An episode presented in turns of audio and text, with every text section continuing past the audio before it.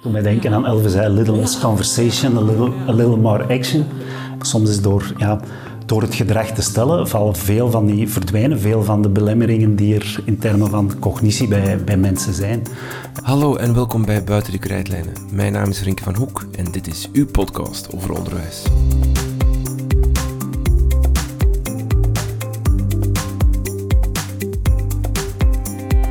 Niemand heeft graag verandering en toch is het soms nodig. Een slechte doorlichting, een gewijzigd leerplan, een nieuwe visie of een noodzakelijke wijziging zorgen soms dat je met je lerarenkorps een andere richting in moet slaan.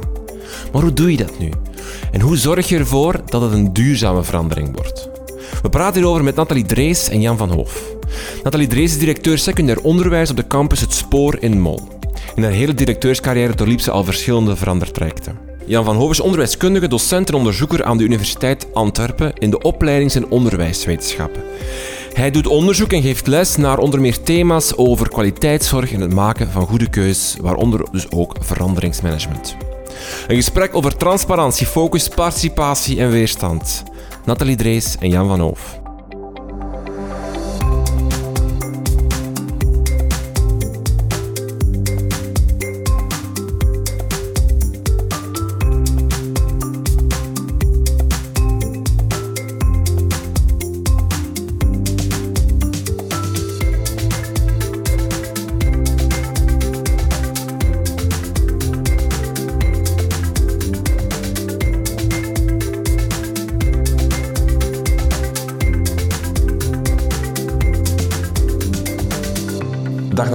Jan, welkom in de podcast.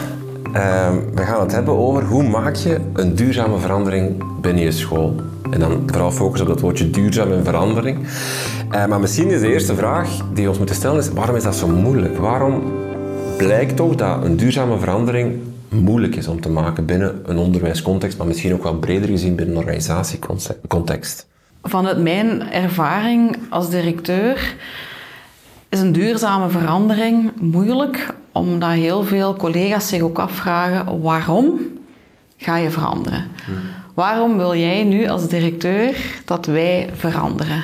Want alles loopt goed, er is absoluut niks aan de hand. Dus het is toch wel van belang om goed zicht te krijgen op wat je wil bereiken met je team. Wil je dat alleen doen? Wil je dat samen doen? Welke urgentie is er onder andere? Welke nood is er? Welke doelen zijn er? Welke acties zijn er? Welk referentiekader is er? Om een zicht te krijgen op het geheel, zodat je ja, met, met je team aan de slag kan gaan. Dat is een beetje vanuit de eerste insteek, denk ik, die ik als directeur daar kan geven. Vooral, waarom moeten we veranderen? En we moeten constant veranderen. En ze zijn daar alweer met een verandering. Het daar ook de, misschien wel de, moeilijkheid in onderwijs dat er heel veel partijen zijn die vaak iets willen veranderen binnen een school, uh, schoolcontext? Als leerkracht, je, hebt, je directeur kan iets willen dat je verandert, je vakgroep kan iets willen veranderen, maar ook van bovenaf, eh, de eindtermen kunnen veranderen, weer iets dat voor jou verandert, leerplannen kunnen veranderen, de inspectie verandert. Er zijn heel veel partijen die eigenlijk een verandering kunnen opleggen of bewerkstelligen uh, voor een leerkracht bijvoorbeeld. Dat klopt helemaal. Ik denk wat Nathalie aangeeft, het belang van richting, hè, leunt daar ook bij aan. Want aan wie komt het toe om de richting te bepalen voor een stuk? Hè? Um, en het is precies, in onderwijs is een van die sectoren waar het heel lastig is om die richting scherp te krijgen. Precies omdat er zoveel verschillende meningen en verschillende betrokkenen zijn. Het zijn die verschillende betrokkenen die verschillende meningen meebrengen, die verschillende accenten uh, binnenbrengen in het verhaal, wat betekent dat voor een stukje, als je eenmaal een keuze gemaakt hebt, dat er altijd wel redenen zijn om de keuze die je gemaakt hebt vanuit een andere invalshoek weer in vraag te stellen. Hè? Dus vandaar dat belang van, um, van richting. Ik vond dat wel mooi dat je dat op die manier uh, binnenbracht. En als je dan denkt, um, duurzaam, dat betekent, ja, het gaat in de richting van een gewenste richting. Um, daar zit al meteen een heel belangrijke reden in. Want waar willen wij gezamenlijk naartoe? En dat is in onderwijs heel moeilijk. Die verschillende actoren spelen daar een rol in. En wat het extra moeilijk maakt in onderwijs is, gesteld dat wij al een duidelijk beeld samen zouden hebben in onze school met de stakeholders over waar wij naartoe willen, dan kan je in onderwijs nog behoorlijk wat ruzie maken over hoe je daar dient te geraken, nog meer dan in andere sectoren. En dus de, de doelen zijn wat onduidelijk en soms de, ja, een duur woord te gebruiken, de technologie van welke kennis hebben wij om, een leerling van A naar B te brengen. Hoe je dat doet, is ook ehm, heel open voor debat. Ehm, en ik denk dat daar een van de belangrijke redenen zit waarom veranderingen duurzaam maken in onderwijs nog moeilijker is dan in andere sectoren. Mm Want inderdaad, de, de waarom is, is inderdaad moeilijk, omdat daar ook dubbelzinnigheid over, kan zijn, over die doelen. Of een soort ambiguïteit van wat, dat er een FCD kampioenachtige misverstand of zo kan zijn tussen verschillende actoren. Van ja, we willen misschien eigenlijk wel allemaal hetzelfde, maar het is niet duidelijk. Dat dat iets is wat heel vaak zorgt dat, er, dat verandering moeilijk loopt. Ja, dus die richting, die why, uh, ons daar als, als school op dit moment heel erg in helpt. Ook bij het team is het, uh, gebruik, ga toch een model gebruiken, is uh, de Golden Circle, die aangeeft die why, en how, die what. waarin Sinek, eigenlijk... Zeker, Simon, Simon Sinek. Ja, ja, waarin eigenlijk die eerste vraag is, ja, wie zijn we en wat is ons maatschappelijke opdracht? En dat why gegeven is een heel belangrijk gegeven, omdat dat jouw identiteit als school ook gaat bepalen wie dat je wil zijn binnen een heel kleine context, binnen een regionale context, binnen een grotere context in het Vlaams gegeven. Uh, hoe onderscheiden wij ons van andere scholen zonder te zeggen dat onze school beter is dan andere scholen? Wij zijn wie we zijn en andere scholen zijn ook wie ze zijn. En in dat heel waai gegeven is het echt van belang binnen het referentiekader van onderwijs, binnen de regelgeving die er is, waar dat we ons aan dienen te houden en leerplandoelen en curriculumdossiers en dergelijke, wie we zijn en hoe we met onze leerlingen aan de slag willen gaan om onze maatschappelijke opdracht te realiseren. Die moet wel duidelijk zijn, die maatschappelijke opdracht. Uh, en dan denk ik dat we pas in een tweede aspect kunnen komen met de vraag: ja, hoe gaan we dat omzetten naar de didactische praktijk, dagdagelijks? En wie ben ik als leider? Ik heb mij die vraag ook heel duidelijk gesteld. Wie wil ik zijn als leidinggevende? Wie wil ik niet zijn als leidinggevende? En ik heb er bewust voor gekozen om niet het beeld van de Ivoren Toren te gebruiken. Ginder zit de directeur met het directieteam en eigenlijk ligt de school aan de andere kant van de campus.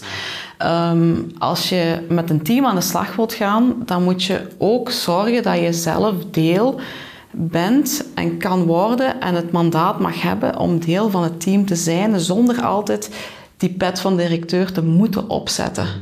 En dat maakt het heel fijn. In de wetenschappelijke literatuur wordt ook aangehaald, de reden waarom dat verandering moeilijk is, is het feit de managers versus de professional of managers versus medewerkers, dat die twee de, de professional, wat een leerkracht toch is, iemand die, die, die met professionaliteit in zijn beroep staat, die wil eigenlijk niet aangestuurd worden door de manager, de directeur dan om het hier even zo te noemen.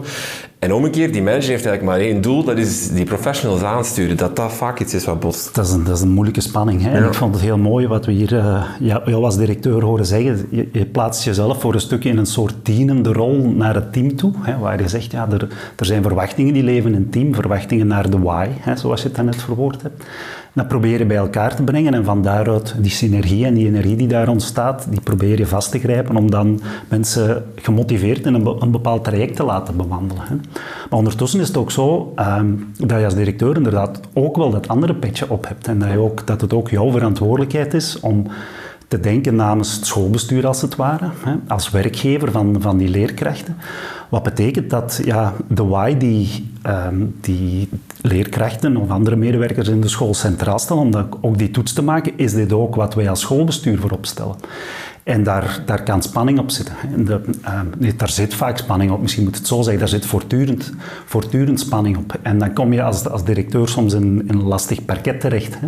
Omdat je wel kan zeggen, ik, ik wil die dienende rol spelen. En ondertussen zit je een stukje tussen hamer en aanbeeld omdat ook het schoolbestuur bepaalde verwachtingen heeft. En die twee bij elkaar brengen maakt, maakt veranderen tot zulk een, lang, zulk een, lastig, een lastig iets in een mhm. onderwijscontext. Ja. Heb jij dat ook aangevoeld als je begon in een school of als je als, als, als, leider, manager, om dat woord even te gebruiken, dat, dat je professionals die, die echt in hun job staan, dat die niet aangestuurd willen worden? Zo die weerstand, voel je dat? Goh, ik, de weerstand over niet aangestuurd worden, heb ik niet gevoeld. Uh, ik ben op zich van begin af aan heel erg welkom geweest op, die op, op de school waar ik nu sta. Um, heeft ook ervoor gezorgd dat ik wel voel dat de dingen die we samen willen doen, dat we die ook wel kunnen doen. Uh, zeggen dat er geen weerstand is, is ook niet oké, okay, want er zit inderdaad altijd weerstand. Maar het is wel het, de manier hoe je daarmee aan de slag gaat. En ik zeg altijd tegen mijn, tegen mijn leerkrachten, um, de deur staat hier, die, die deur staat hier open. Ik heb, op mijn bureau, de deur staat altijd open. Ze mogen altijd binnenwandelen. Uh, ze mogen altijd iets aangeven via mail als het wat meer tijd nodig heeft. Uh, dus eigenlijk is alles um, bespreekbaar in de zin van, ik ben bereid om te luisteren naar de dingen die er leven, die er gebeuren. En wel terug te koppelen op basis van heel erg coachende vragen.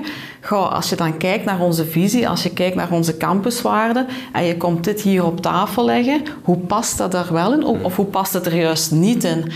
En wat doen we dan? Gaan we er verder mee aan de slag? Wordt het ontvankelijk om in een overleg overgaan bespreekbaar te maken? Of zeggen we eigenlijk, goh, het, het, het past, staat haaks op onze waarden, we gaan er nu al komaf mee maken. Dus uh, in, in, in die termen denk ik dat ik als directeur 100% van mijn tijd ben ik 85% bezig met personeelsbeleid in zijn volledig geheel. Uh, dus daar zitten al die aspecten in. Maar het open blijven communiceren, het openstaan om te willen luisteren naar mensen, om uh, ook verder te willen gaan, maar ook op een gegeven moment te kunnen zeggen, nu moeten we een beslissing nemen. We kunnen niet dingen nog eens terug opnieuw uh, in vraag stellen om onze waai uiteindelijk in vraag te stellen. Nee, de waai is er, die is duidelijk. We gaan daar ook verder mee aan de slag. Dus het feit dat je met mensen uh, aan de slag wilt blijven gaan, dat je open staat om naar hen te luisteren, om samen die weg op te uh, zoeken en te kijken wat heb jij nodig, hoe kan ik jou daarin helpen, zonder het gevoel te hebben dat ik de aap die wordt binnengebracht op mijn schouder neem. Ja, want die probeer ik wel in begeleiding uh, bij de persoon zelf te houden, ja, om het uh, zo te kaderen. Wat, wat, misschien een extra moeilijkheid is, um, zoals jij het nu verwoordt, komt de prikkel om te vernieuwen heel sterk vanuit het team. Hè? Mensen hebben bepaalde leerbehoeftes of uh, ervaren we hebben hier een probleem, we willen dat anders gaan aanpakken. Hè. Dat, dat, dat, is één belangrijke inrijpoort als het ware. Ondertussen komen er allerlei andere verwachtingen op de school toe ook. Um, er is de overheid die allerlei verwachtingen heeft, um, schoolbestuur, er kunnen vanuit de gemeente bepaalde richtlijnen zijn. Uh, dus dat kan heel, heel breed gaan. Hè. Um, en als je dan vertrekt vanuit die idee van ik heb een dienende rol, de vraag is hoeveel kan je blijven vragen van je medewerkers? En um, wat je kan verwachten van medewerkers, daar zit ook ja, een zekere grens op. Als je altijd maar bij wijze van spreken moet vragen en dit en dit en dit, op een gegeven moment zeggen mensen, um, ja, wat, wat krijg ik nog in ruil voor die extra inspanning of wat krijg ik nog in ruil als het ware voor die, voor die extra innovatie? Um, en ik denk dat we in een context zitten die maakt dat, uh, dat scholen geconfronteerd worden met zoveel diverse vragen, dat er um, los van wat je eigenlijk in de kern van je beleid zou willen voeren, al heel veel veranderingen op scholen toekomen. Hè. En dan, daar, dan bestaat de kunst erin, zoals Nathalie mooi verwoordt, um, om ja, die, die dingen die intern in de school leven, om die misschien ja, net wat meer belang te geven, of zeker ook hetzelfde belang te geven dan die elementen waar, waar mensen soms gevoel van hebben. Ja, het is, we, dienen dat om te ondergaan als het ware, omdat het, omdat het regelgeving is, omdat het verwachtingen zijn waar we minder vat op hebben. Maar in realiteit is de verandering gaat over heel dat palet aan aan eisen, verwachtingen die op de school toekomen. Kom het dan neer op als je een sterke why hebt, als je heel goed weet van waarom doen wij dit, waarom, wat zijn wij aan het doen en waarom dat we het doen, dat je, dat je responsief vermogen van je school om die, om die veranderingen die van buitenaf komen beter kan, kan opvangen, omdat je altijd die vraag kan zeggen, oké, hoe past dit nu binnen ons plaatje, binnen ons kader? Ah, zo, zo of zo, of helemaal niet, en dan moet je er anders mee omgaan. Voel je ook van, als je een sterke why hebt, dan ben je eigenlijk beter klaar om, om, om, ja, om klappen op te vangen van buitenaf. Klinkt niet zo negatief, maar om veranderingen die opgelegd worden van buitenaf op te vangen? Het is, het is heel erg helpend. Als ik daar uh, een voorbeeld aan mag koppelen. Uh, we hebben de modernisering secundair onderwijs. Uh, eerste graad is afgerond. Het tweede graad komt dan in het vizier. En men beslist om daar een klacht tegen in te dienen tegen nieuwe eindtermen. En het wordt ook aangenomen door het grondwettelijk hof, dus nieuwe eindtermen worden vernietigd. Mag niet vergeten dat collega's al twee jaar heel erg voorbereidend werk hebben gedaan om zich in te werken in die nieuwe eindtermen en om dan ook aan de slag te kunnen gaan. En wij hebben dat bij ons op school echt wel samen gedaan. Uh, al de vakwerkgroepen die hebben inspraak gehad in eigenlijk de lessentabellen van de verschillende richtingen, waardoor dat die zich heel goed hebben ingeleefd in wat wordt er nu eigenlijk van ons verwacht en wat betekent dat nu voor ons als school om naar buiten uit te brengen. Dan komt de slag van het grondwettelijk hof. Dat is echt een mokerslag die er binnenkomt. Um, leerkrachten die voelen zich dan ook niet meer erkend. Die hebben zoiets van, goh, wat moeten we nu nog verder doen, want uiteindelijk is alles een groot vraagteken.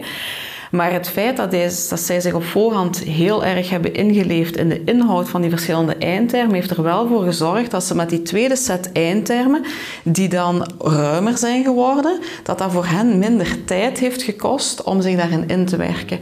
Dus het feit in onze waai de dingen samen doen en mensen inspraak geven en samen nadenken, hoe gaan wij nu als school uh, ons onderwijs vormgeven en wat betekent dat naar de buitenwereld toe, door dat samen aan te pakken, heeft dat in tweede instantie ervoor gezorgd dat dat toch minder planlast heeft met zich meegebracht.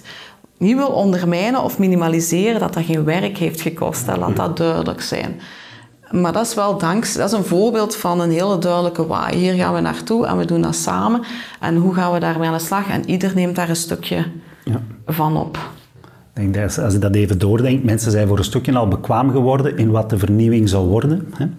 Ehm, waardoor ze het gevoel hadden dat ze dan, want het is een heel mooi voorbeeld van iets waarmee je geconfronteerd wordt. Je kiest daar niet voor, hè, vernietiging van de eindterm. Maar als dat dan het geval bleek te zijn, dan hadden leerkrachten wel het gevoel, oké, dit kunnen we wel. Hè. Um, gecombineerd met het idee dat je zegt, ja, we, gaan daar samen aan werken, creëert een stukje veilige context, maakt dan dat die stap makkelijker te zetten is. Hè. Dus dat, dat, is wel interessant, dat is een belangrijke les naar vernieuwing toe. Als mensen het gevoel hebben, ik kan dit, Ehm, nog los van de vraag, ik wil dit, hè, maar ik kan dit, ja, dan, dan ga je sneller tot uh, duurzame verandering komen. En eh, zo een inschatting maken of zo het gevoel hebben van ik kan dit, dat ehm, betekent ook dat, dat het bakje niet overladen wordt. Hè. En dat is, dat, dat is een bekommernis. En dat jij daarnet vroeg, je maakte de connectie met responsief vermogen gaat voor een stukje over het idee van de, de, school, de schoolleider of de directeur als een soort van poortwachter. Hè. Een soort van buffer tussen de leerkracht en, en ruimer beleid, waar je zegt dat er kunnen 101 dingen aan het gebeuren zijn, maar je gaat proberen die leerkrachten als het ware een stukje wel onder te brengen in een konkon waar ze waar ze veilig even hun ding kunnen doen. Zonder dat ze voortdurend, als er allerlei, als de wind zo even uit een andere richting komt, of er is een storm buiten de school, dat, dat zij daar de hinder van dienen te ondervinden. Um, zodanig dat ze ook weten, we hebben, hebben de waai, we hebben een aantal grote lijnen uitgezet. Um, en je hoeft niet telkens alles wat je doet voortdurend in vraag te stellen, omdat er links en rechts is een signaal is. Hè. Wat niet betekent dat je, dat je geen aandacht hebt voor die signalen, maar op het juiste moment laat je ze toe. Hè. En op andere momenten laat je ze buiten, zodanig dat, uh, dat je door net te zeggen, nu even niet naar leerkrachten toe, het is oké. en um, van zodra er toch dingen dienen te veranderen, ga ik het u laten weten, kunnen zij met de kern van, van hun activiteiten bezig zijn. Dat, dat, hoor ik daar ja. een stukje ook wel in. De, de bufferfunctie als het ware als directeur. Ja. In hoeverre is uh, het eigenbelang van, van individuen, van mensen, iets dat verandering moeilijk maakt? Goh, um, het, het eigen belang, het persoonlijke plaatje van mensen speelt altijd mee.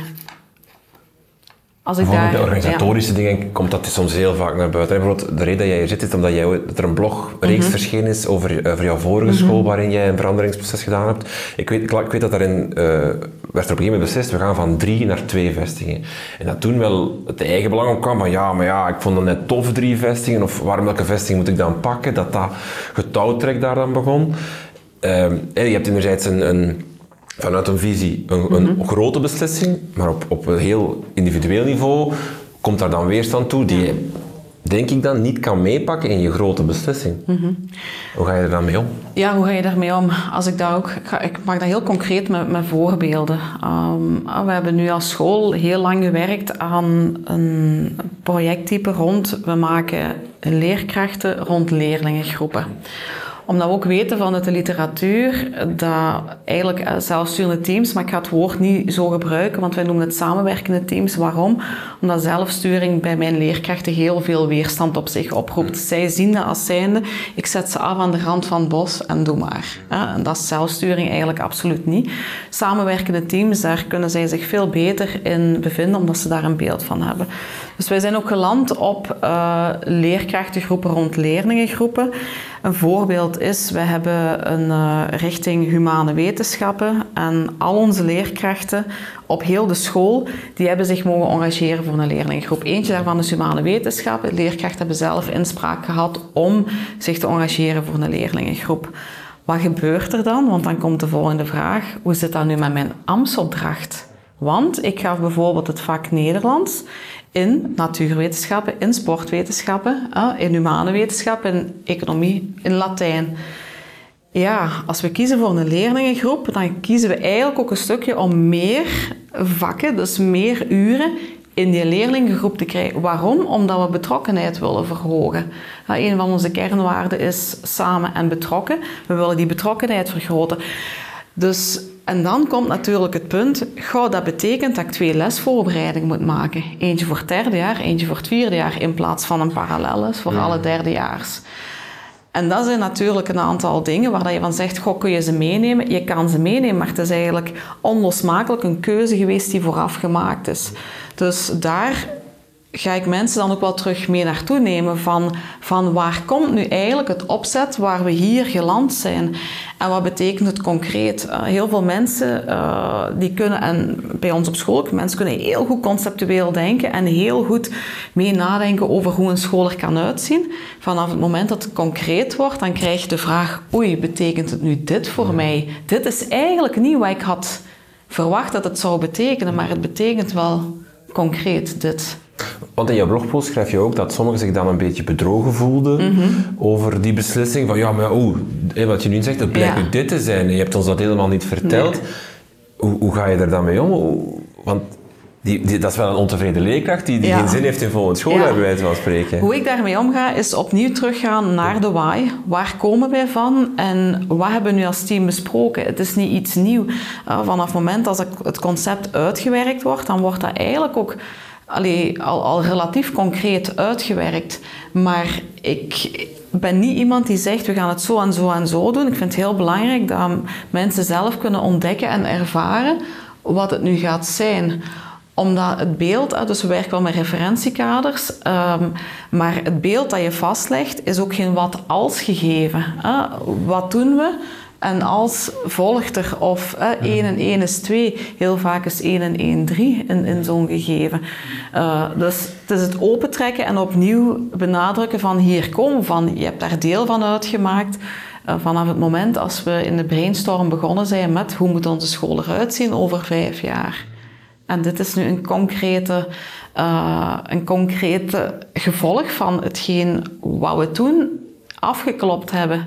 Maar ik begrijp dat dat voor jou wel echt een, een, andere benadering betekent. En dan is ook de vraag, wat kan ik doen om jou daarin te helpen? Ah, wat heb je nodig om, om dit te kunnen doen? Want als je verder kijkt uh, dan het stukje, uh, je gaat wel parallel collega's krijgen. Dus je gaat je werk ook kunnen verdelen. Maar dus, ik vind het van belang dat mensen erachter kunnen komen, ah ja, ik ga een parallel collega krijgen. Dus dat betekent dat we er ook niet alleen voor staan om eh, het leerstofstuk van het vierde jaar uit te werken. Mensen ervaren vaak wel problemen, hè, medewerkers in de school. En het, is een boetade natuurlijk. Hè. Mensen, iedereen uh, wil verandering, maar weinigen willen veranderen. Hè. En zo die idee, ja, het moet anders, het moet beter, totdat het ook consequenties heeft. Um, en daar, daar, daar zit een interessante link tussen het eigen belang en, het schoolse belang. Hè. En in een ideaal plaatje vallen die voor een stukje samen. En dat is wat jij probeert voor elkaar te krijgen in de school. Wat maakt dat veranderingen wel kunnen, beter kunnen werken. Um, ja, wat is eigen belang? Hè? Dat, is, dat is typisch voor wat we dan professionals noemen. Dat zijn mensen die zich heel sterk identificeren met wat de organisatie doet. En dat is onderwijs heel sterk. Hè. Ehm, dus ik kan wel een sterk beeld hebben van wat voor mij als, als leerkracht wenselijk is, voor mij als werknemer, hè, naar tijdsbesteding toe en naar lesvoorbereidingen. Maar ondertussen ben ik natuurlijk ook, ja, dat komt heel erg dicht, letterlijk bij mijn identiteit terecht. Dus ik identificeer mij ook met wat willen wij betekenen voor onze leerlingen. Hè.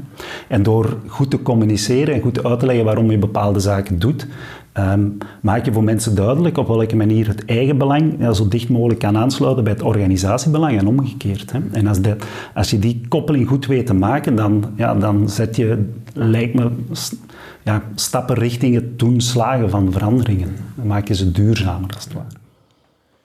Hoe begin je aan een verandering? En de vraag die daar misschien direct bij komt is, maakt het uit van waar, het woordje prikkel viel eruit, van waar de prikkel komt voor de verandering? Je kan als school opgelegd krijgen, eindtermen zijn uh, verworpen, je moet, we hebben er nieuwe, een verandering waar je mee moet omgaan. Je kan vanuit je schoolbestuur iets krijgen, je kan als directeur zien van oei, dit, dit, klopt, dit loopt niet goed, dit moeten we veranderen. Of er kan vanuit je team, je, een vakgroep komen van ja zeg, dit marcheert niet, dit willen wij veranderen. Maakt dat een verschil voor hoe je aan een veranderproces begint? Ja, voor mij maakt het een, groot verschil in de zin van, uh, ik ga het nu proberen gewoon wiskundig. Hè. Je hebt heel grote veranderingen, je hebt een minimale verandering. Uh, wat zie ik als een grote verandering? Als ik kijk naar, naar mijn eigen school, um, tot zeven jaar geleden waren dat eigenlijk drie verschillende instellingen uh, op één groot domein waarin leerlingen met elkaar geen contact hadden, waarin er geen doorstroom was van de eerste graad naar de tweede of derde graad, uh, waar er werkelijk slagbomen op de speelplaats stonden uh, en lijnen waarin er absoluut geen uh, cohesie mocht zijn tussen leerlingen onderling. En het is van voor mijn tijd, dus ik heb het zelf niet meegemaakt, maar er zijn heel wat collega's die dat hebben meegemaakt en die dat ook echt benoemen op die manier. En de drie directeurs op dat moment die hebben aangevoeld, goh, eigenlijk is dit niet meer oké wat we hier aan het doen zijn. Uh, we hebben een dalend leerlingaantal. Uh, we hebben een aantal CA-testen. We zijn ook niet als school degene waar dat ze voor kiezen op dit moment. We moeten toch wel zorgen dat we daar iets aan gaan doen. En dan is in eerste instantie gekeken, we hebben zoveel expertise hier op de school, we gaan proberen om die expertise samen te brengen, maar ook in middelen. Drie secretariaten naar één secretariaat onder andere. Dan kan je ook mensen eh, volgens talenten gaan zetten. Je kan ze uh, gaan keuzes geven. Ben je iemand die liever in de financiële cel werkt of liever binnen de leerlingbegeleiding? Je hebt daar dan wel wat keuzes in. En met het hele team is er dan aan de slag gegaan om, om na te denken, ja, als, als wij met de drie instellingen zouden samensmelten, wat betekent dat dan? Um, dus het gegeven van inspraak en mensen doen beseffen hoe belangrijk het is om echt wel een, een positieverandering te creëren in functie van één, uw leerlingenaantallen, maar ook gewoon wie dat je wil zijn in de maatschappij.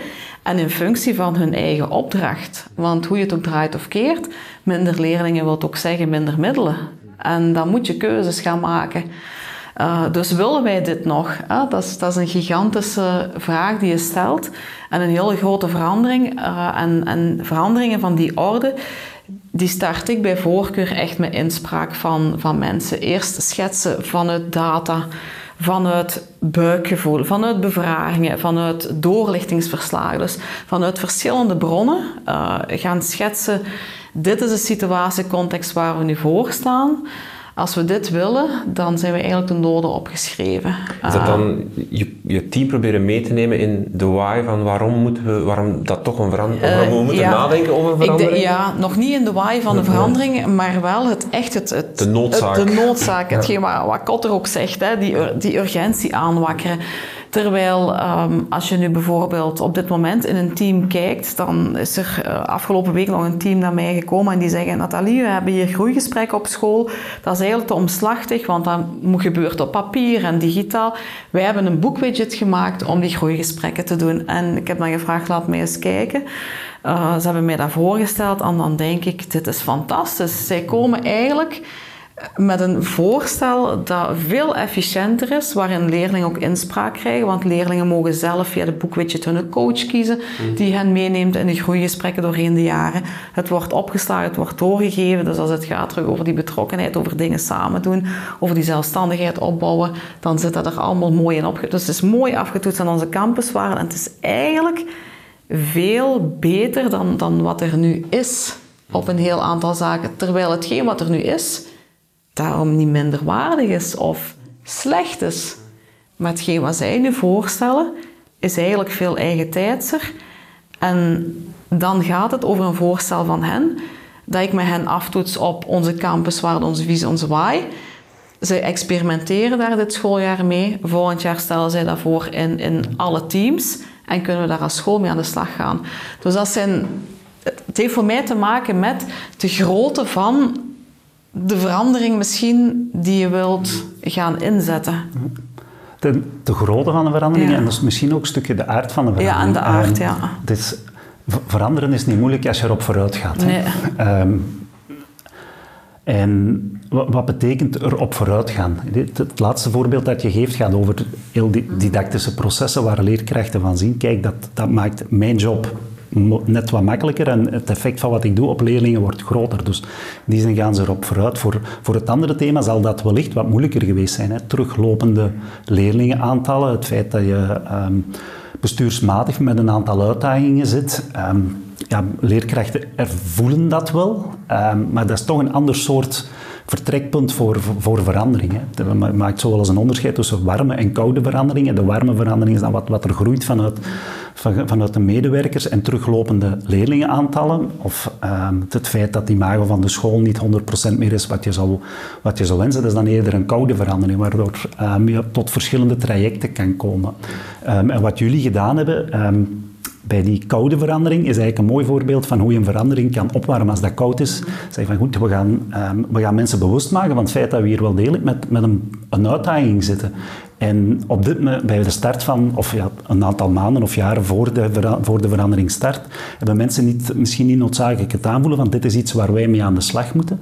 Maar door de manier waarop je communiceert, ja, ehm, maak je hen duidelijk dat dit iets is wat sowieso ja, op, ehm, op de agenda dient te komen en waar zij mee betrokkenheid en verantwoordelijkheid in moeten tonen. Waardoor die verandering als het ware niet iets is wat hen overkomt, maar waar ze mee een stukje, dat is misschien wat te rooskleurig gezegd, maar mee vragende partij voor zijn en waar ze dan ook gedreven in willen meestappen. Dat vind ik wel mooi aan wat je, wat je zegt. Je moet een urgentie creëren bij je team dat, dat, die verandering, dat er een verandering nodig is.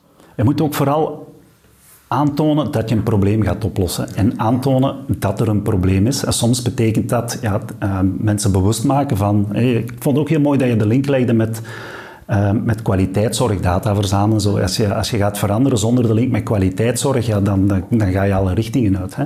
Ehm, en kwaliteitszorg... ehm, ja, voor een directeur is vaak met andere thema's bezig dan een leerkracht. Dus er kan kunnen, en of schoolbestuur is ook met heel andere thema's bezig. Dus wat, wat daar in termen van kwaliteitszorg leeft, is niet noodzakelijk ook wat er, wat er, bij, leerkrachten, wat er bij leerkrachten leeft. En dat, dat, vandaar die link. Hè. Dus ehm, als mensen zich bewust zijn van het feit dat er een, een discrepantie is tussen wat de feitelijke situatie is, wat er op dit moment is en wat eigenlijk wenselijk is of nodig is, ja, dan creëer je daar een soort van urgentie. Daar, daar, daar kan die urgentie net zitten. En die urgentie is dan, we lossen een probleem op dat er nu is of dat zich in de toekomst gaat aandienen. En urgentie is dat niet ja, een bepaalde dat is misschien onerbiedig gezegd, een goeroe heeft dit gezegd, of er is weer een nieuwe uitvinding die maakt dat wij plotseling de dingen fundamenteel anders moeten gaan doen. Dus eigenlijk moet je een personeelsvergadering niet beginnen met jongens, we gaan veranderen, maar jongens, we gaan verbeteren. Die, Ja, en, en, ja. dat- en die noodzaak dan doen voelen natuurlijk. Hè, van we gaan echt proberen verbeteren, we gaan niet veranderen om te veranderen. Ehm, ja, voor een stuk wel. Eh, ja, het woord verbeteren probeer ik... Ja, ik denk aan die rode pen ja, natuurlijk. ja, dat is een Ja, connotatie ah, zo, die nee. gemaakt wordt.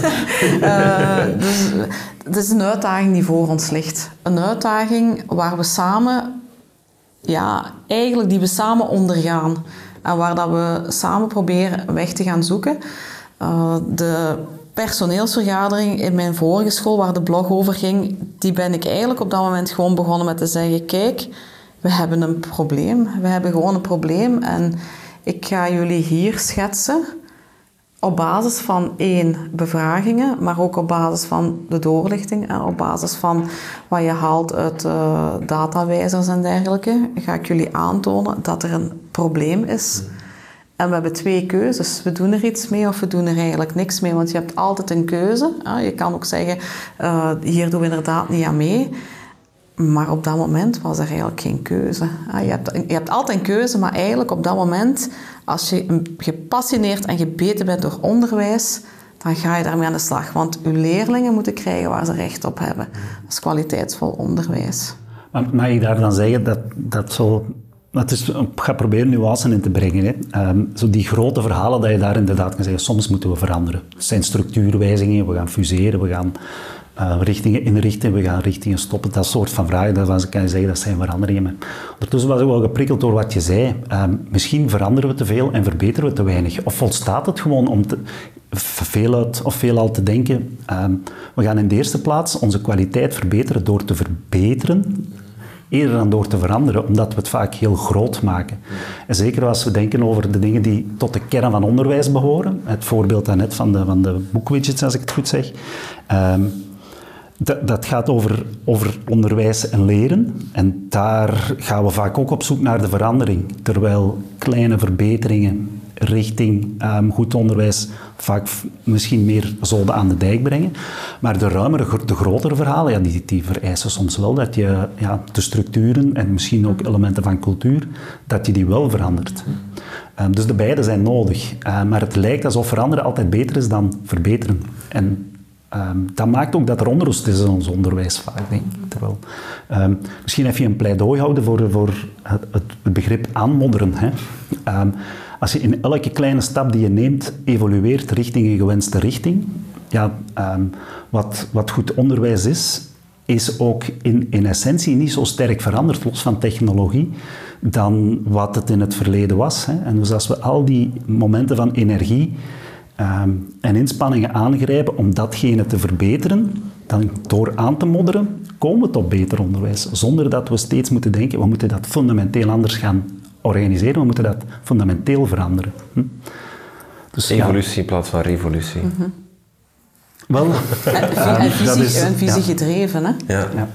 Visie gedreven. Je hebt ook zoiets als uh, vuilnisvatvorming, dat, dat, als je een probleem begint of een probleem wilt aanpakken, dat dan nieuwe problemen ontstaan of daarbij getrokken worden. En dat zo eigenlijk uh, het, het, beeld van veel, allemaal volle vuilnisbakken blijft staan. Bijvoorbeeld, uh, wij, wij wouden op onze school digitaal examen doen.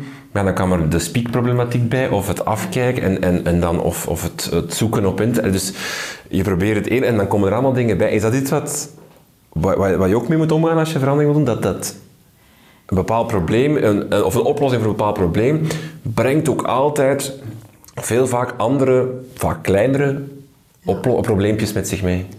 Ja, wij gaan, alleen hoe wij dat opnemen bij ons op school is uh, vaak werken met pilootprojecten. Uh, zeker in, in, functie van het, het grote veranderstuk, daar zijn we nu door. Dat is ook vier, vijf jaar geleden nu. Dat ligt er, dat is heel helder, heel duidelijk. En we kunnen nu echt wel aan de slag gaan op, op teamniveau. En zo'n team, het voorbeeld dat ik daar straks gaf over groeigesprekken en boekwidgets, dat is iets wat zij zelf brengen. En waarmee wij niet zeggen van, oh ja, we zien eigenlijk de efficiëntie ervan naar één, het kwaliteitszorg, twee, het leerlinggerichte stuk en drie, naar hetgeen wat je echt uh, naar, in communicatie wilt doen met ouders en leerlingen. Dan zeggen wij niet als school, nu gaan we, nu gaan we direct volgende week in alle teams hetzelfde lanceren. De planner in Smart School is net hetzelfde gegeven. Het is een hele mooie tool. Uh, werkt naar mijn gevoel, maar ik moet er zelf niet mee werken, maar naar mijn gevoel uh, is het een hulpmiddel omdat bijvoorbeeld de jaarplannen daarin kunnen gekoppeld worden en er dus niet meer dubbel werk moet geleverd worden. Maar wij hebben als school gekozen om het uit te testen in pilootteams die een aantal dingen kunnen ondervangen, om zo bij te sturen en dan het pas uh, te, te verspreiden over heel de school. En als we nu merken, eigenlijk werkt het niet, ja, bij de planner, daar kunnen we niet onderuit. uh, maar goed, de boekwidgets en groeigesprekken, misschien dat we wel merken, er zijn nog wel andere manieren of op deze manier lukt het ook. Of, of we gaan het zo... Ah, we hebben eigenlijk tijd om het uh, te experimenteren. Ja. Wat er ook in zit, is, is een duidelijke focus hè, in wat je, wat je nu aangeeft. Um, en dat is, dat is niet altijd makkelijk om die focus te bewaren, uh, maar het is een gigantische uitdaging. Het voorbeeld van de vuilnisbakmethode. Um, als je over iets begint na te denken, ja, dan maken mensen allerlei associaties. Um, en als je dat niet bewaakt in een overleg of in een verandering, ja, dan wordt die verandering als het ware overladen met allerlei verwachtingen, waardoor mensen op een gegeven moment het gevoel hadden, ik had daar toch een ander idee bij. Um, precies omdat het niet geëxpliciteerd wordt. Hè. Wat de focus is en welke de, de, essentie is van het probleem dat je, dat je wil gaan oplossen. Daar, ja, de vraag stellen welk probleem wil oplossen, goed wetende, maar misschien zijn er nog andere problemen, maar die zetten we even aan de kant. We erkennen wel dat ze er zijn, maar misschien zijn ze of minder prioritair, of we hebben het gevoel dat ze minder, uh, minder impact hebben op het leren, of, en op leren en op onderwijzen. Um, en daardoor ja, maken we daar nu een prioriteit van. Als je dat niet durft doen, um, of als je geen leiderschap heeft dat die, die de moed heeft om die keuzes te maken, ja, dan durf je de vis wel eens verdrinken. Ja. Hoor ik dan ook, maak veranderingen niet, niet te groot? Start met een proefproject of start met eh, neem een focus en probeer die te veranderen of op te lossen of te verbeteren. En behang daar niet direct 17 andere aspecten aan die je misschien ook zou kunnen oplossen. Van durf klein, klein iets te doen of durf te, te, te, te proeven, te testen. Het, het, feit als je iets klein doet en je voelt dat het een effect heeft, en je kan dat ook aantonen in cijfers uh, of, of uh, in hetgeen wat je bij leerlingen creëert, dan maakt dat ook dat je dat kan als een olievlekprincipe doen uiteinden. En dan gaan collega's ook van elkaar leren. Voordeel en de meerwaarde is, dat het, het, het is er. Ze moeten niet het warm water nog eens uitvinden, ergens anders gaan halen. Dus dat is eigenlijk een heel fijn gegeven om toch van elkaar te kunnen leren en te weten dat hetgeen wat je gaat doen, dat dat ook wel een, het effect heeft dat je wilde bekomen. Ah, dus in, in dat opzicht is het wel mooi om met zo'n kleine projecten te werken, plus het vieren van successen daarin. Is iets wat wij als school ook wel echt geleerd hebben. Uh, als we bepaalde doelen bereiken, dan durven wij ook die succes te vieren. Als een team een bepaald doel bereikt, vorig jaar heb ik een, een mijn team sport, uh, leerlingen sport zijn van nature uit echt wel heel competitieve leerlingen. Dat is heel tof, uh, maar in theorielessen hebben die ook dat competitiviteitsgehalte. En dat werkt niet altijd in een les Nederlands of een les Frans. Uh, ze hebben met het team een hele aanpak op uh, gedrag uitgestippeld, heel kort opgevolgd, een jaar lang. En ze hebben nu een, een, jaar later ook van de ouders uh, echt wel complimentjes gekregen van ah wel, wat jullie vorig jaar gedaan hebben, dat heeft een impact gehad op mijn zoon of mijn dochter. En we zien nu ook het, het effect in, in het leren hè, van hem of haar. En dan zeg ik tegen hen, dit moeten jullie vieren. Mhm. Dit is stof. Print die complimentjes uit, hang die op de Wall of Fame en vier dit. En neem ze mee in tijden waar het moeilijk is. Want op een gegeven moment ga je ook terug in, in een dalletje komen. En dan is het fijn dat je van die complimentjes iets kan meenemen. Dat doet deugd. Dus dat is ook wel iets wat we als school geleerd hebben. Om gepast te, ja, gepast, gewoon vieren. Vieren en doen. En doen, ja. ja. toen wij denken aan Elvis a little less conversation, a little, a, little, more action. Um, het is ook vaak um, ja, door in de opvattingen te blijven hangen, ja. is het voor mensen soms ook moeilijk om de stap naar gedrag te mhm. zetten, omdat je een stukje cultiveert. Van, we kunnen er allerlei bedenkingen bij hebben en uh, misschien voel ik mij nog niet helemaal bekwaam om de stap te zetten en wat vergt het van mij, wat vergt het van anderen. Maar soms is door ja, door het gedrag te stellen vallen veel van die, verdwijnen veel van de belemmeringen die er in termen van cognitie bij, bij mensen zijn. En dus dat een pad ontstaat ook maar door erop te lopen. En soms moet je zeggen, we doen het gewoon. En dat is wat het voorbeeld van pilootprojecten. Laat ons het eens proberen en zien wat er gebeurt. Dat is sowieso een, een gezonde houding, denk ik. Hè. Want eigenlijk ben je vooraf al een stukje kritisch naar innovatie die je wil gaan uitvoeren. Maar stel dat het werkt, en dan um, de mensen die het doen, die hebben het aan de lijve ervaren. En anderen zien ook dat het werkt. Het wordt meteen concreet. En het feit dat het bij anderen lukt, ik denk dat je dat ook in veranderde contexten niet mag onderschatten. Um, zo die idee dat er een stukje sociale norm is, en die zegt, ehm, of die aantoont van ja, als mijn collega dit voor elkaar krijgt, ja, dan kan ik niet achterblijven. Dus dan moet ik zo ook dat, dat tikkeltje extra doen. Dus ik kan niet achterover blijven liggen. Hè. Um, zodanig dat er verwachtingen gecreëerd, was als, gecreëerd worden, als het ware. Zo die combinatie van actie en als anderen dit kunnen, wat gaat mijn volgende stap zijn als het ware? Ik denk dat dat, interessante mechanismes zijn om een stukje uit te buiten als je aan verandering doet. Als je googelt stappenplanverandering of modellenverandering, dan ga je waslijsten, lijsten, verschillende stappenplannen. Eh, er zijn ook wetenschappelijk heel veel modellen rond verandering. Hoe moet je daar als schoolleider of als team of als eh, organisatie wil veranderen mee omgaan? Wat, wat, is, er, is, er een, is er een beste? Is er een beste? Is er eentje dat wetenschappelijk het beste effect uh, toont? Als, je, als, alle modellen op een rij zet, ik denk dat er een aantal factoren mm. wel heel vaak terugkomen. Dat zijn degenen die spontaan ook, uh, daarnet door Nathalie ook uh, al vermeld werden. Hè. Elementen als uh, goede richting hebben, communicatie, durven focussen, zorgen voor leiderschap, dat keuzes durft maken, coherentie in wat, wat leiders doen en wat, wat ze verwachten van, van, van medewerkers, professionaliseren, dat, dat, dat soort van dingen. Um, dus dat lijkt me wel een hele belangrijke. Um, goed geïnformeerd te werk gaan. Daar heb je ook een pleidooi voor gehouden um, in het Eisenhower. Wat is dringend, wat is, um, wat is dringend en wat vinden mensen belangrijk? Niet alleen gefocust op, um, en dan ben ik misschien even, ben, ik ben even aan het afdwalen van, van jouw vraag, hè, van welke zijn de modellen. Ik wou daar in het Eisenhower-verhaal wou het nog extra in de verf zetten. En dat is misschien ook een model, want het is een van de modellen. Namelijk focussen op het positieve. Omdat we heel erg vanuit veranderen en innoveren aan het denken zijn. Bestaat ook zoiets, een idee van exnoveren. Um, exnovatie, goed vastleggen wat er goed gaat en waarom we vinden dat dat goed gaat. En dat ook een plaats behouden. Zodanig dat dat of daar een plaats voor behouden, zodanig dat dat niet in gevaar komt en zodanig dat je daar daaromtrent nog wel een beetje kan aanmodderen, als het ware, zodanig dat dat nog, uh, nog bekrachtigd wordt. Hè. Maar dat is, dat is ook één benadering. Als ik daar straks sprak over kwaliteitszorg, kwaliteitszorg gaat over het behouden van wat goed gaat, uh, identificeren wat goed gaat, dat behouden. Maar het gaat ook over aanpakken wat, wat veranderbaar is. En um, afhankelijk van of wat verbeterbaar is, bleek beter. Um, afhankelijk van waar het om gaat, um, welke invalshoek je kiest, die waarderende aanpak of vertrekken meer, want daar straks sprake over goede, goede, goede verandering vertrekt bij het oplossen van een probleem. Daar zit je niet zozeer in het waarderen, daar zit je bij het oplossen, oplossen van een probleem.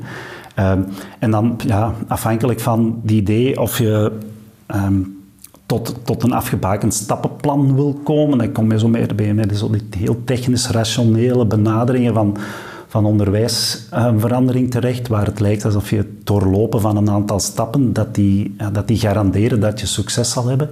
En andere benaderingen gaan heel, net, heel sterk in op, op het menselijke aspect van verandering. En de, de werkelijkheid is, en ik denk dat dat het ene model is dat echt werkt, dat is het model dat er zich van bewust is dat afhankelijk van over welke soort verandering, over welke soort verandering je spreekt, afhankelijk van de vraag met wie je um, aan het werk bent. Is dit een nieuwe taak voor medewerkers? Is dit, uh, of is dit, is dit iets wat, uh, waar mensen zelf expertise en betrokkenheid in tonen? Afhankelijk van die vragen ga je tot een ja, aanpak op maat moeten komen. Dus is er een bestaand model dat het meest geldig is? Nee. Um, uitgezonderd het idee van ja, informeer u eerst goed over de aard van de verandering en neem dan een aantal gerichte keuzes. En daar bestaan ook wel uh, modellen rond die daar wat houvast in kunnen geven, maar die geven geen pasklaar antwoord. Die werken als het ware met een soort van stukje algoritmes. Hè. Als dit het geval is, dan is dit wellicht het meest aangewezen. Of dan is dit een pad dat, uh, dat het verkennen waard is. En als dit het geval is, als ik dat moet uitkleden, dat is geen model, maar dat gaat vaak over de vraag... Um, ja, zijn mensen bereid? Willen mensen het? Hebben mensen het gevoel dat ze bekwaam zijn? Um, kunnen ze het? En een stukje die idee van, is het, is het van de moeders of is het niet van de moeders? Want um, dat is wat we daar straks over spraken. Ja, soms zijn er ook veranderingen waar je, waar je spontaan niet zelf zou instappen, maar waar je als organisatie ook niet omheen kan. En dat klinkt weinig academisch, maar naar toepasbaarheid toe heb je daarmee al wel heel veel te pakken, denk ik. Participatie bij verandering. Um, het is al een paar keer gevallen, je, je team meenemen in, in, bepaalde beslissingen, het gesprek aangaan, het overleg aangaan. Maar ik kan me ook voorstellen dat op een gegeven moment kan je ook verzanden in een soort van eindeloos palaver een eindeloos overleg en, en, de die er nog bij de die er nog bij die heeft nog een mening. En, en dat je op een gegeven moment toch ook ergens... hè, dat is ook al eens gezegd, op een gegeven moment moet er beslist worden en moet jij als schoolleider of, of iemand zeggen, nee, het zal dan zo worden. Hoe, ga je daarmee om? Of welke rol speelt participatie in verandering en, en welk gevaar kan het misschien ook zijn? Dat is een van de eeuwige vragen ook in onderwijs. Hè. Ehm, aan wie komt het toe om beslissingen te nemen? Ehm, en ook dat is een, een, een, moeilijk iets, omdat het antwoord op die vraag niet uh, ja, voor eeuwig vaststaat hè, en elke context zich anders aandient. Um, los, los, van die moeilijkheid, uh, wat mij helpt om daarover na te denken, is de vraag van wie, wie is hier betrokken partij? over wie gaat dit? En wie kan hierover met verstand van zaken spreken in, uh, in mijn organisatie? En als je dan als leidinggevende uh, een beslissing moet nemen, um, dan lijkt het, wel, het, lijkt het verstandig om die actoren een rol te geven in het participatieve gebeuren. Um, tenminste, als je van op aan kan dat zij zich ook identificeren met de organisatiedoelen en dat wanneer, want als mensen heel betrokken partij zijn, ja, dan bestaat ook soms het gevaar dat ze voor, voor de ja, voor het eigen belang rijden, dat ze de, zich um, heel het proces voor de eigen kerstpallen als het ware, dan moet je dan wel een stukje beducht voor zijn of goed, goed er rekening mee, mee houden. Dus dat betekent, als ze te sterk betrokken partij zijn, dan kunnen mensen soms het, het, plaatje niet meer helder zien. En dan denk ik dat leidinggevenden daar ook een rol in moeten spelen. Hetzelfde geldt voor, voor experten. Um, dat is, uh, ja, um, experten kunnen uh, input aanleveren, maar zijn ook niet altijd de meest geschikte persoon om in een heel specifieke context de beste keuze te maken.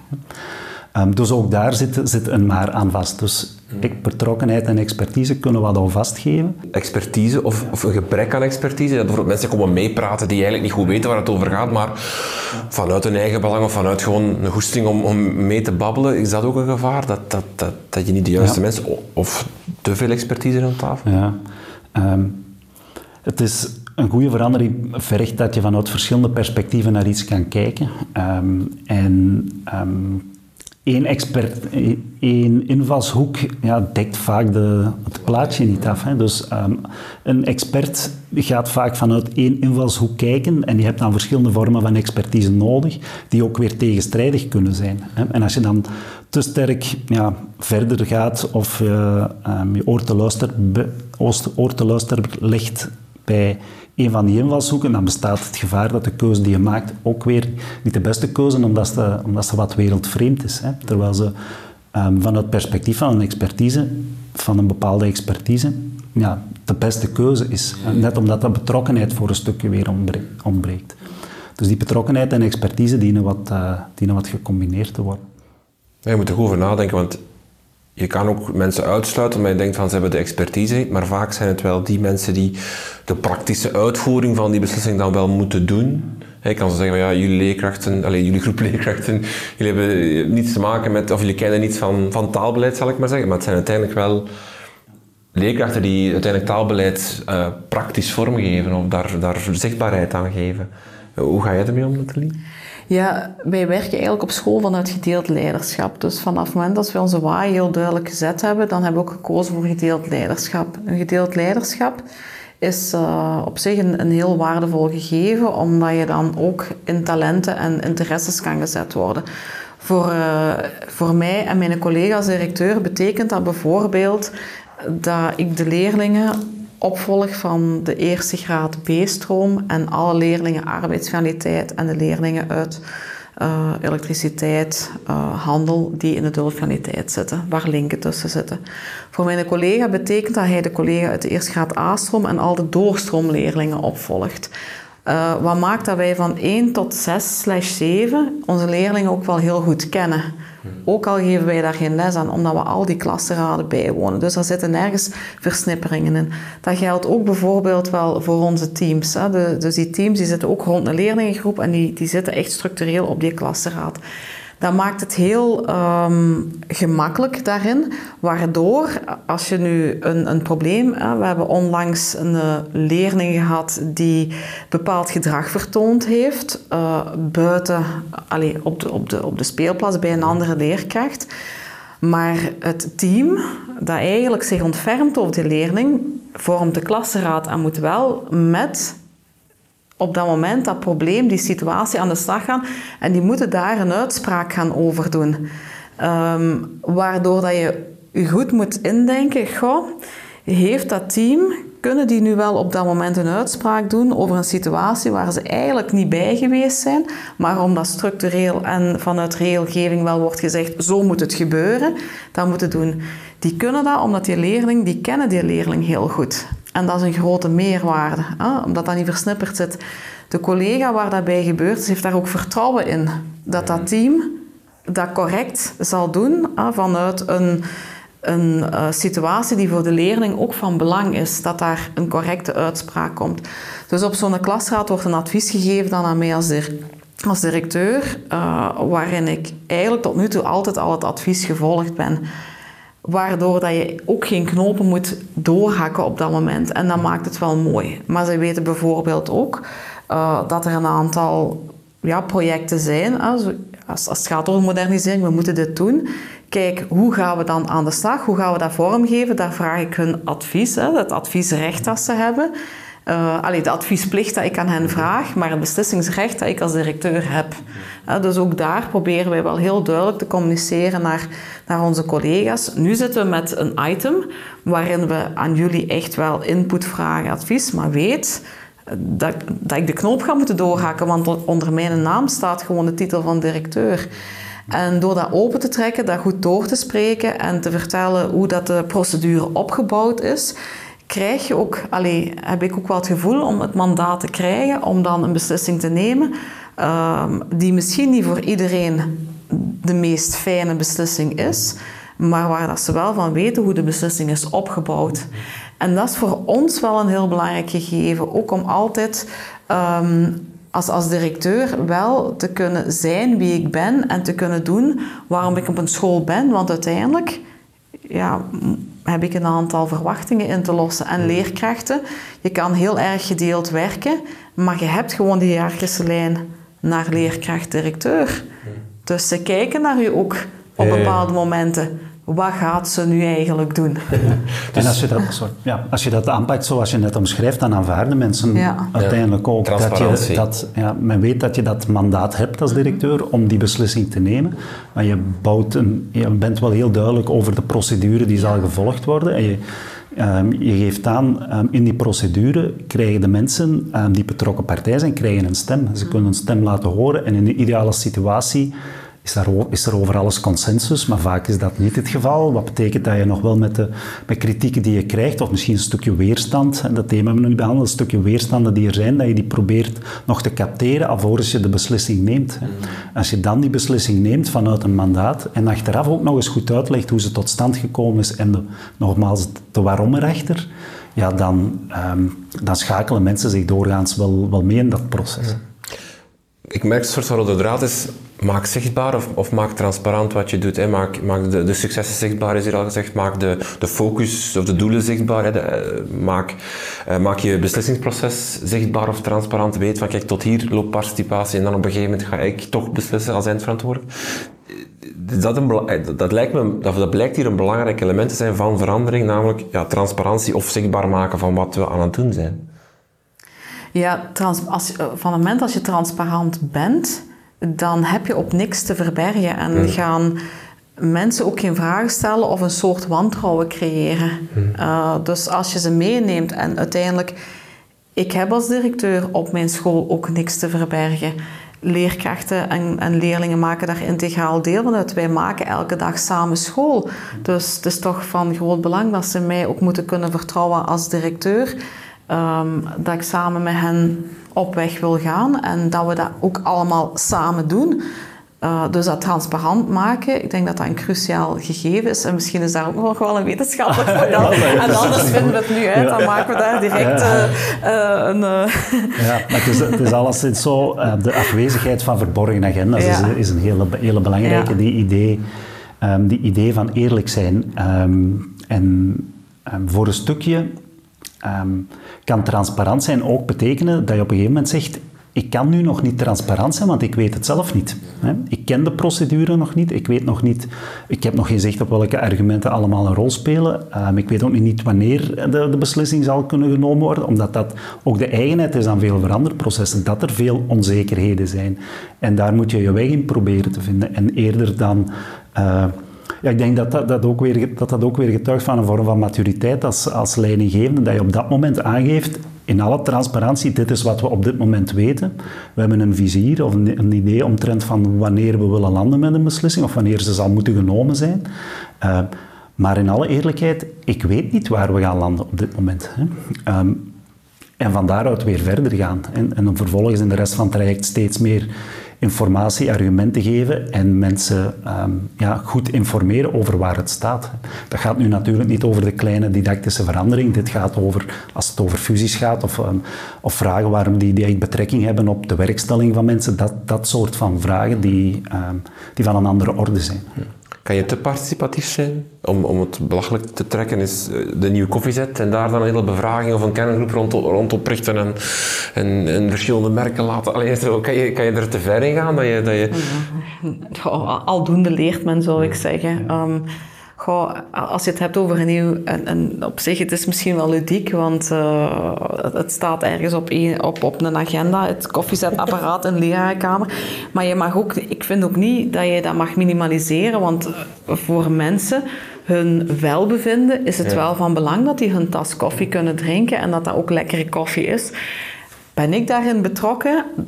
Dat zal minimaal zijn. Want ik ga dan vragen aan een van mijn verantwoordelijken, bijvoorbeeld mijn verantwoordelijke die uh, veiligheid, financiën en dergelijke doet, van wil jij dit eventjes opnemen? Hoeft ook niet heel lang te duren. Uh, over welk koffiezet. En we gaan ook geen onderzoek doen rond de bonen die moeten gebruikt worden. Maar ik vind het wel van belang om dingen die soms cruciaal zijn, als het gaat over welbevinden van mensen, om daar aandacht voor te hebben.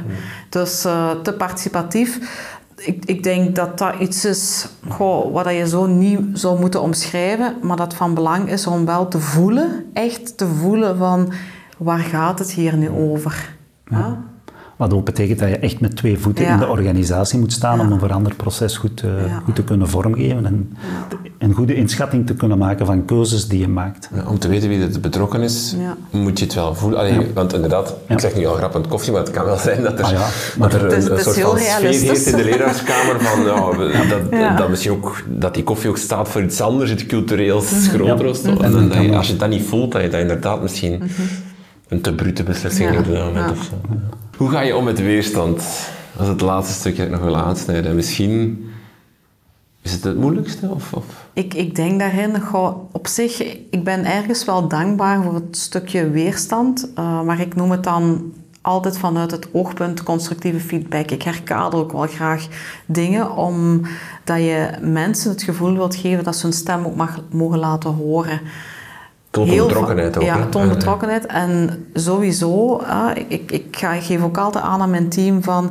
In mijn hoofd zit ik soms ook al heel wat stappen verder, omdat dat voor mij het, het punt, als ik met hen in overleg ga, dan heb ik al heel wat stappen doorlopen die een stukje vanzelfsprekend zijn. En een aantal dingen waar ik misschien absoluut niet aan gedacht heb, die komen dan op dat moment naar boven. En dan vind ik het wel van belang dat ze dat zeggen, want dan kan je ook bijsturen van, ah ja, ja, zwaar, ik heb, oh nee, het zat in mijn hoofd, maar ik heb het niet gezegd. Hè? Uh, op die manier, waardoor je het terug opnieuw heel helder kan maken.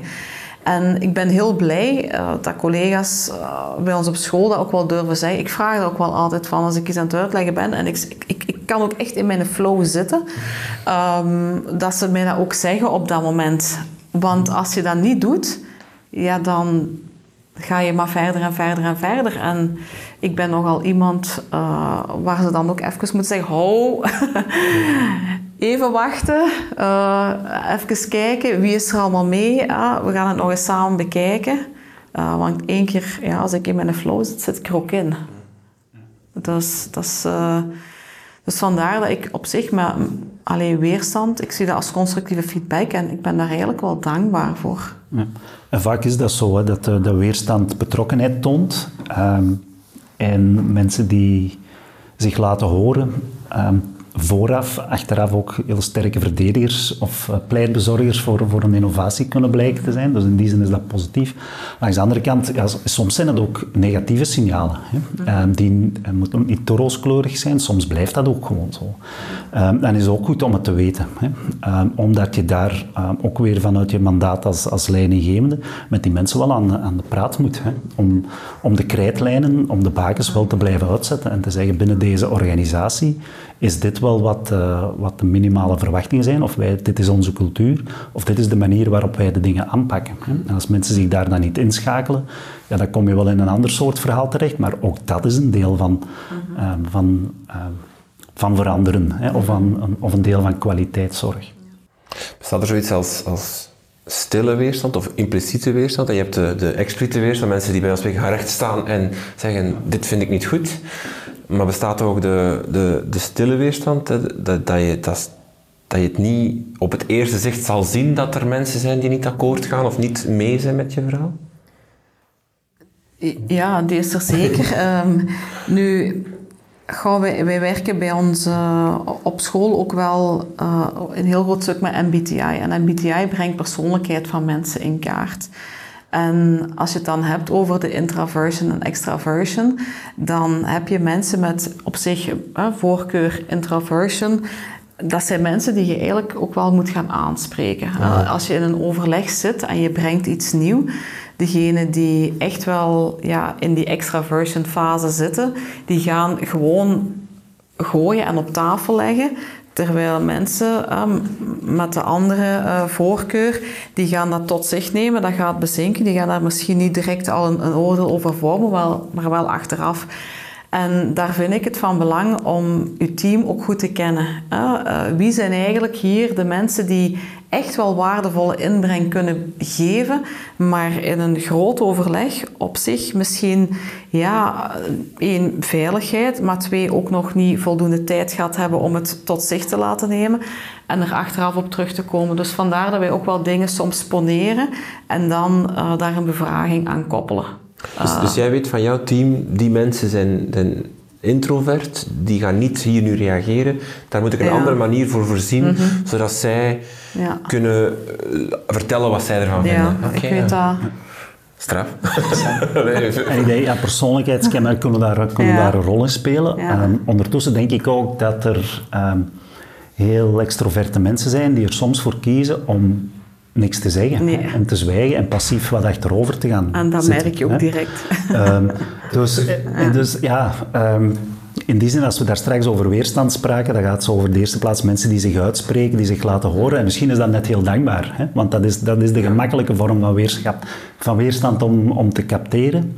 Um, het is inderdaad moeilijker om um, de meer passieve en gesloten, minder open vormen van, van weerstand, om, om daar zicht op te krijgen. En ja, het zoals uh, Nathalie aangeeft, het, het kan maar door ja, stukje het gesprek te blijven aangaan, uh, maar ondertussen ook te weten, ja, er een aantal vertrouwenspersonen zijn. Zo, ja, ik weet wel, als ik, uh, ik, er broeit wat en ik weet wel, als ik dan aan die persoon eens vraag, hoe zit dat precies, dat je um, zonder daar, um, zonder uw integriteit op het spel te zetten, maar je zegt, ga toch eens even polshoog te nemen, om te zien wat er, wat er gebeurt. En de andere suggestie van net, zo ja, blijven opvolgen, is met een bevraging om mensen die... ja, wiens, wiens mening echt gesloten op de achtergrond blijft, omdat ze zich introvert weinig uitspreken, om, die, om, die ook, uh, om daar ook zicht op te krijgen. Want je hebt ook zoiets als de, als de pocket Vito wordt genoemd, ja. nou, mensen die gewoon zeggen van ja, leg maar uit, ik doe dat niet. Ja. Allee, zo, zo, ja. Ik weet niet wat er heel veel in organisaties zitten, of hoe dat er procentueel zit, maar, maar inderdaad, je, je hebt ze wel. Ja. Ja, en dan Laat je die dan doen ook? En denk je van, kijk, profiteer daar niet mee dan van? kom je natuurlijk op het, uh, ook op het spanningsveld van de evaluatiecyclus. Um, uh, op een gegeven moment uh, ben je duidelijk in de dingen die je, dat je gaat doen. Zijn de focussen bepaald? Is de concretisatie daarvan uitgewerkt? En komt het implementatiegedeelte? En dan zie je, door op te volgen, door ook te gaan checken, bij wijze van spreken, in heel uw PDCA-cyclus. Klopt het nu wat we hier aan het doen zijn? En dan ga je vaststellingen doen. Um, ah, en je kan daar eerst een stukje een informele weg op gaan van, goh, ik ben bij jou in de les komen kijken en ik vind het jammer dat dit en dit en dit. Wat gaan we daar nu aan doen? Goed, ik kom een volgende les bij jou kijken. Ik zou toch wel graag hebben dat het... Ja, en dan als er geen verandering in zit, dan ga je meer die formele toer op gaan. Dat hoort er inderdaad ook bij als, uh, als, als directeur. En ik heb daar straks al aan gedacht, omdat dat op zich iets is wat nog niet aan bod is gekomen. Want ook dat kan een verandering geven in uw team, bij wijze van spreken. Uh, iemand die eigenlijk niet functioneert volgens uh, de waarden, normen, de visie uh, die, dat er, die dat er ligt, daar heb je als directeur ook nog rol in op te nemen. En jammer genoeg, helaas, zijn er ook op dat moment situaties waar dat je heel formeel en krachtig mee aan de slag zal moeten gaan. Wat jammer is, maar dat hoort erbij. Uh, en tegelijkertijd kunnen er ook een aantal andere invalshoeken of, of uh, factoren zich voordoen, waardoor dat uw team uh, iemand verliest. Uh, dat, kan, ja, dat, op, dat kan op allerlei manieren. Iemand die de school verlaat, maar ook door een sterfgeval bijvoorbeeld. En dat heeft ook een hele grote impact op de verandering die je op dat moment waar dat je mee bezig bent. Uh, waardoor dat je zo, sowieso niet gaat moeten focussen op de verandering, maar wel op het team waar je mee aan de slag bent. Wat heeft dat team nu nodig om, om hier uh, verder te kunnen? Want zo iemand die, die een pocketfiets doet, die dus niet meedoet met wat er beslist is, die zegt van ik doe dat niet. Dat lijkt me ook een, een bedreiging te zijn voor het duurzame karakter van je verandering. Omdat op zich als je die laat doen, een soort van free pass is naar anderen om ook misschien af en toe eens de teugels te laten vieren of om, om, of om die verandering te laten verwateren. Omdat ja, hij doet het niet of zij doet het niet, ja, weet je, dan doe ik het ook maar half of, of zo. Dat, dat je misschien, ik weet niet wat dat het is. Nee, ja, maar daar, daar, daar zit jouw taak als directeur om daarmee aan de slag te gaan. Net zoals we bij leerlingen hoge verwachtingen koesteren, moeten we bij leerkrachten ook hoge verwachtingen koesteren. Komen bij, theoretisch zeggen we, dan kom je bij een verhaal van performantiemanagement terecht, waar je ook wel expliciteert wat de verwachtingen zijn. En er is gesproken over het traject van functionerings- en evaluatiegesprekken. Maar naar een stukje um, vormgeven van cultuur van een organisatie en ook het veiligstellen van toekomstige verandertrajecten, is het wel belangrijk dat je ook ja, dat luik van de opdracht van de directeur vormgeeft. Um, net omdat dat heel krachtig is. Omdat uh, um, als je het niet doet, een aantal van um, ja, of de mensen die niet aan de maat zijn of niet aan de maat functioneren, die pocket veto hanteren, ja, wel een impact gaan hebben op die cultuur. En ik, daar straks sprak ik over sociale norm. En sociale norm, also de, de druk van de, van de organisatie of de druk van de cultuur, kan in twee richtingen werken. Die kan uh, ja, opheffend werken of die kan ook ja, de verwachtingen naar beneden, naar beneden halen, precies omdat mensen erop aangesproken worden als ze te veel presteren, precies omdat ze um, een beeld over anderen impliciet lijken te geven. Is, is cynisme ook iets om, om mee rekening te houden of wat je mee te maken hebt als je weerstand? Het zit misschien ook een beetje in die pocket zo iemand die recht staat en zegt van, dat komt toch nooit niet goed. Jongens, wat zijn we nu weer aan het verzinnen? Allee, zo, ja. Als je nu al die, al die goede adviezen die hier over de tafel gegaan zijn um, in de wind slaat hè, en u verandertrajecten um, ja, je spreekt veel over verandering, er zijn veel praatbraken en als er afspraken gemaakt worden, dan worden die niet nagekomen en heel het verhaal niet goed uitleggen, geen participatie, ja, dan, dan worden mensen cynisch, omdat er inderdaad niets van komt. Hè. Um, en dat is, dat is op zich goed te begrijpen. Um, dus als dat het geval is, is dat wel een, een duidelijke diagnose als het nee, ware voor je organisatie. Cynisme is een resultaat van, of kan een resultaat zijn van misschien wel een mislukt verandertraject of, of van een...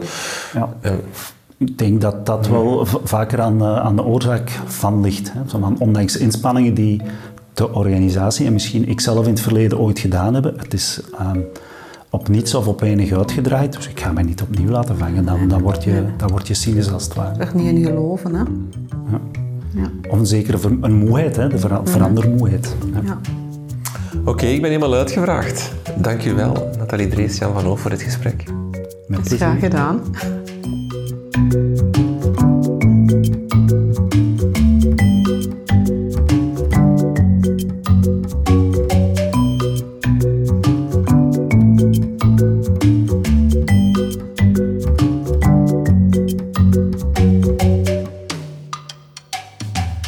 Dan weer voor deze aflevering.